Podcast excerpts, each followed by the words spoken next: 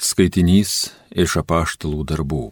Petras ir Jonas ėjo į devintosios valandos pamaldas šventykloje.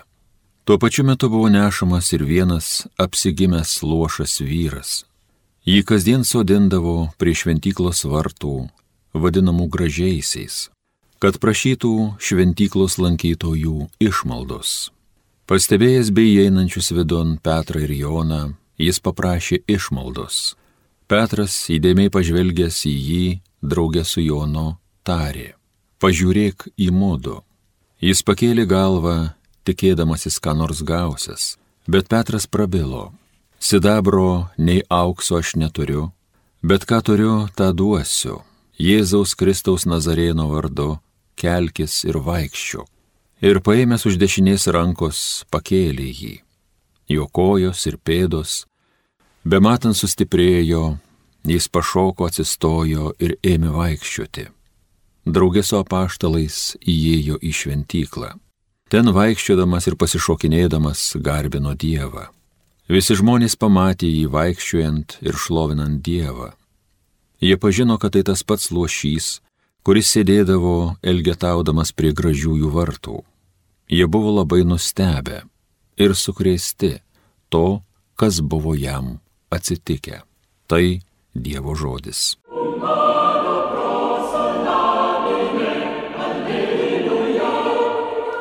Tegul džiaugiasi širdys, kurios viešpaties ilgis. Iškilmingiausiai viešpatį garbinkit, sveikinkit jo šventąjį vardą, skelbkite tautoms didingus jo darbus. Jūs jam gėdokit ir grokit, garsinkit jo stebuklingą veikimą. Tegul džiaugiasi širdys, kurios viešpaties ilgis. Jums leista šventojo vardu vis didžiuotis, lai džiaugiasi širdys, kurios viešpaties ilgis. Žvelkite į viešpatį, į jo galybę, jo veidą, išvysti vis trokškit. Tegul džiaugiasi širdys, kurios viešpaties ilgis. Jūs jo tarnai Abraomo įnyje, jūs jo rinktiniai Jokūbo vaikaičiai. Dievas mums yra patsai viešpats, visą pasaulį valdo jo galingasis žodis. Tegul džiaugiasi širdys, kurios viešpaties ilgis. Amžiais jis atsimena sandorą savo, pažadą duotą kartoms tūkstantinėms, kartu su Abraomu sudaryta priesaika duota kilniam Izaokui. Tegul džiaugiasi širdys, kurios viešpaties ilgis.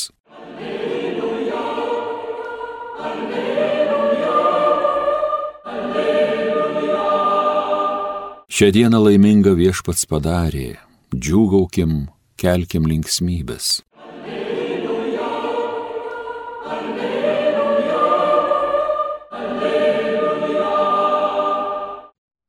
Pasiklausykite Šventojios Evangelijos pagal Luką. Ir štai tą pačią dieną du mokiniai keliavo į kaimą už 60 stadijų nuo Jeruzalės, vadinamą Emausu Jie kalbėjosi apie visus tos įvykius.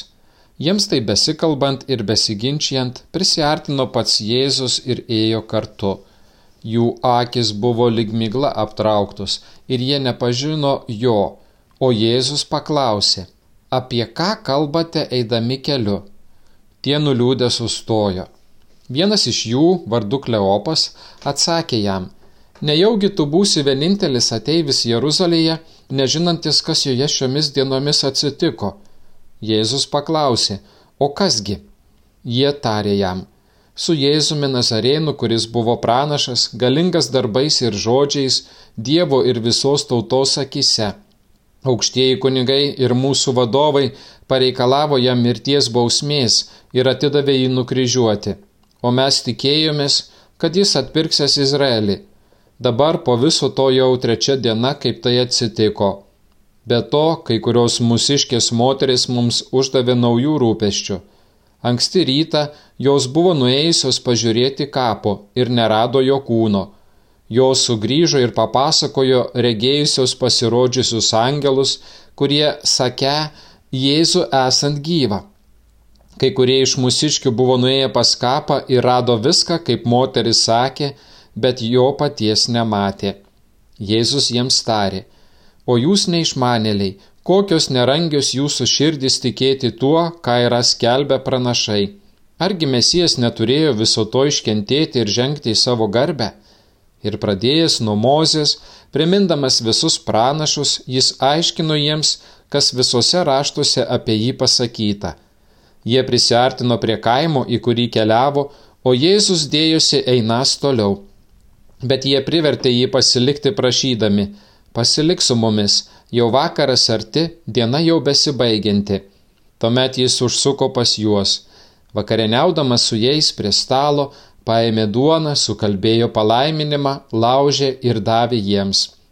Tada jų akis atsivėrė ir jie pažino Jėzų, bet jis pranyko jiems iš akių.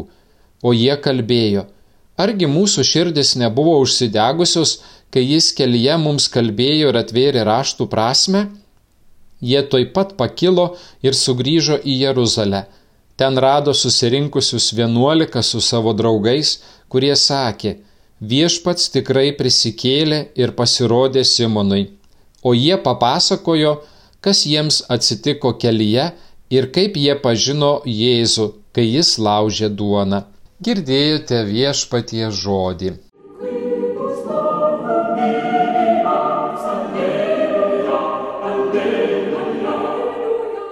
Mėlyjeji, šiandienos evangelinį pasakojimą galime suskirstyti į keletą dalių. Pirmoji - kelionė į Emausą, antroji - nusiminimas, liudesys ir susitikimas su Jėzumi, trečioji - pokalbis ir dialogas, ketvirtoji - Jėzaus atpažinimas ir džiaugsmas ir penktoji baigiamoji dalis - grįžimas į Jeruzalę. Pasakojime centre, žinoma, yra susitikimas tarp prisikėlusiojo ir mokinių. Ir toks ypatingas, išskirtinis būdas pasakoti visą nutikusią istoriją mus pakviečia pažvelgti giliau ir pabandyti atrasti pačias giliausias prasmes. Kontekstas, kuriame visa nutinka - kelionė, ėjimas drauge. Evangelistas kelionėje apibriežti naudoja tą patį veiksmažodį, tuos pačius žodžius, kurie žymi ėjimą link dangiškojo tėvo, ėjimą link Jeruzalės ir dangiškojo tėvo valios išpildymo. Mokinių kelionė ėjimas suvokiamas kaip dalyvavimas Dievo meilėje, pasireiškiančioje žmogaus istorijoje, dėl to, kad mūsų aklame klaidžiojime atsirastų šiek tiek šviesos.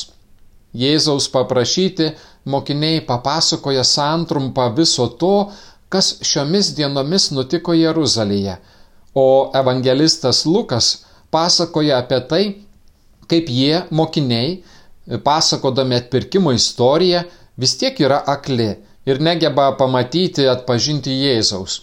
Jų akis tarsi pridengtos negalimumo šydu, tarsi būtų neįgalus pamatyti, pažinti.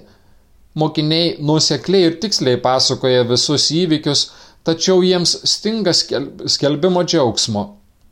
Tikslus ir nuseklus faktų pasakojimas nespindi gyvybingumu ir tikėjimu, jog tai, kas nutiko, turi daug svarbesnę ir didingesnę prasme. Evangelistas Lukas leidžia pajusti, patirti, kaip netgi tokia svarbi Dievo veikimo žmogaus istorijoje tiesa gali būti tiesiog istorinė tiesa netalpinančią evangelinės žinios. Net ir labai stengdamasis, vargu ar gali užuosti mokinių pasakojime viltį, besiriamenčią į pasakojamus įvykius. Tai tarsi tiesiog prisiminimai ir nieko daugiau. Tikėjomės, tačiau neišsipildė. Pribloškia faktas, kad galima viską žinoti ir papasakoti apie Jėzų Kristų ir tai, ką didingo jis yra nuveikęs, tačiau netalpinant tame pasakojime evangelinis gerosios naujienos, išsigelbėjimo žinios. Labai autentiška Jėzaus reakcija. Nesmerkia už tai, kad jo net pažino, nei už tai, kad netikėjo tuo, kas buvo skelta apie prisikelimą. Priešingai, jis jiems nusekliai aiškina, kas apie tai buvo parašyta raštuose, Senajame testamente, ką kalbėjo pranašai Mokiniams tikrai stigo suvokimo ir pažinimo dovanos. Ir čia mums yra liudijimas, kad tikėjimo kelionėje reikia naudotis proto ir pažinimo galiomis mums Dievo suteiktomis. Tai, kas jiems sunkiausiai sekėsi, rasti ryšį tarp to, kas aprašyta raštuose ir to, kas realiai atsitiko. Kad suvokti Dievo pažadų išsipildymą, reikia nuodugnesnio paaiškinimo.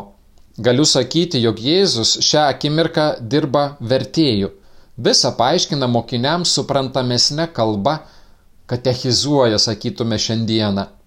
Ir netrodo, kad šie du mokiniai iš karto viską supranta. Reikia dar vieno veiksmo, kad galutinai suvoktų prisikėlusiojo buvimą šalia - duonos laužimo, kurio metu atpažįsta Jėzų ir kurio metu jis pranyksta jiems iš akių. Argi nedegė mūsų širdis, kai jo klausėmės?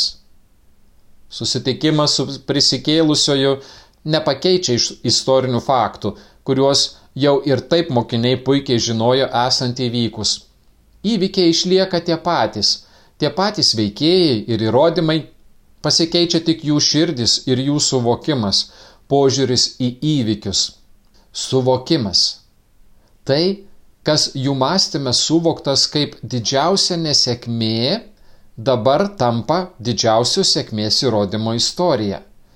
Tas, kuris atrodė nepatikimas, dabar atrandamas naujai kaip tas, kuris buvo ištikimas savo pažadams. Tas, kuris atrodė silpnas, palauštas ir nugalėtas, pamatomas kaip ištikimai stiprus. Mokiniai tokiu būdu atranda gebėjimą naujai žvelgti į įvykius, neužfiksuojant vien tik E, savo žvilgsnio prie materialiosios ir faktinės įvykių eigos.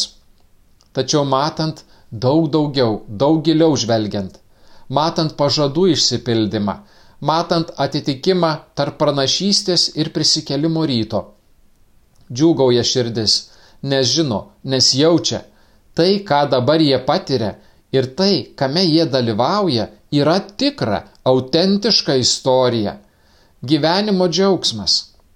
Prisikėlusysis kasdien ir mus kviečia būti mūsų kasdieniuose reikaluose, matant juos kaip labai svarbios mūsų asmeninės istorijos dalį, kuri mus artina prie svarbiausio mūsų gyvenimo tikslo - buvimo su Dievu ir pasiekimo Dievo artumos taip pat ir amžinybėje. Mūsų gyvenimo ir kelionės pagrindinis tikslas. Tikėjimas prisikėlusiejų nenuneigia, jog būtina atlikti kasdienės ruošos darbus, pareigas sutoktiniui, vaikams, tėvams, seneliams, visuomeniai, valstybei. Ne. Visi iššūkiai ir pareigos mums patikėtos turi savo galutinį tikslą. Tačiau viena aišku, kad sutikus gyvai prisikėlusi į Jėzų Kristų, pasikeičia kiekvieno mūsų atliekamo veiksmo esmė. Nes suprantu, kad iš nuodėmės ir mirties pasaulio logikos einu link gyvenimo, link prisikelimo logikos. Priimti per, perkeičiantį Jėzaus žodį reiškia ne ką kitą, kaip leisti Jėzui keliauti drauge su manimi, mano gyvenimo vingiais, išsilaisvinant iš paikumo, aklumo, nenoro matyti tiesą ir dovanoja mums jautrę ir mylinčią širdį. Žinoti, kad visi mano veiksmai, visos mano mintis, bendravimas su žmonėmis, gero darimas, atjauta, pagalba vargstančiam, pagalba šeimos nariui, jautrumas silpniausiems visuomenės nariams, esantiems visų pirma mano mieste, mano name, man įprastoje ir mane supančioje aplinkoje, turi tikslą. Tai jau ir yra geroji naujiena - Evangelija. Ši žinia kviečia mane įpareigoja mane būti Dievo bendradarbiu, kurti Dievo tvarką, dangaus karalystę. Kartais galbūt net pačiuose banaliausiuose, dažnai pasikartojančiuose kasdienybės įvykiuose. Kartais mano asmeninėje tuštumoje ar šalia manęs skausme ir dvasinėje kančioje keliaujančiame žmoguje. Situacijose, kuriuose aš gyvenu. Kelionėje, kuri yra mano kelio, mano istorijos, artėjimo link Dievo dėlionės dalis. Mėlyjeji, kasdienybė nėra skirta vien tam, kad atrastumėme savo gyvenimo kryžių ir jį neštume. Kasdienybė dovana, kurią suvokdamas, pažindamas patiriu gyvenimo pilnatvę, pažįstu savo gyvenimo misiją. Ir tik tokia viltis gali padėti mums pakelti kasdienybėje pasitaikantį kryžių, kurį Jėzus neša drauge su manimi. Tegul dega mūsų širdys Amen. Garbė Jėzui Kristui.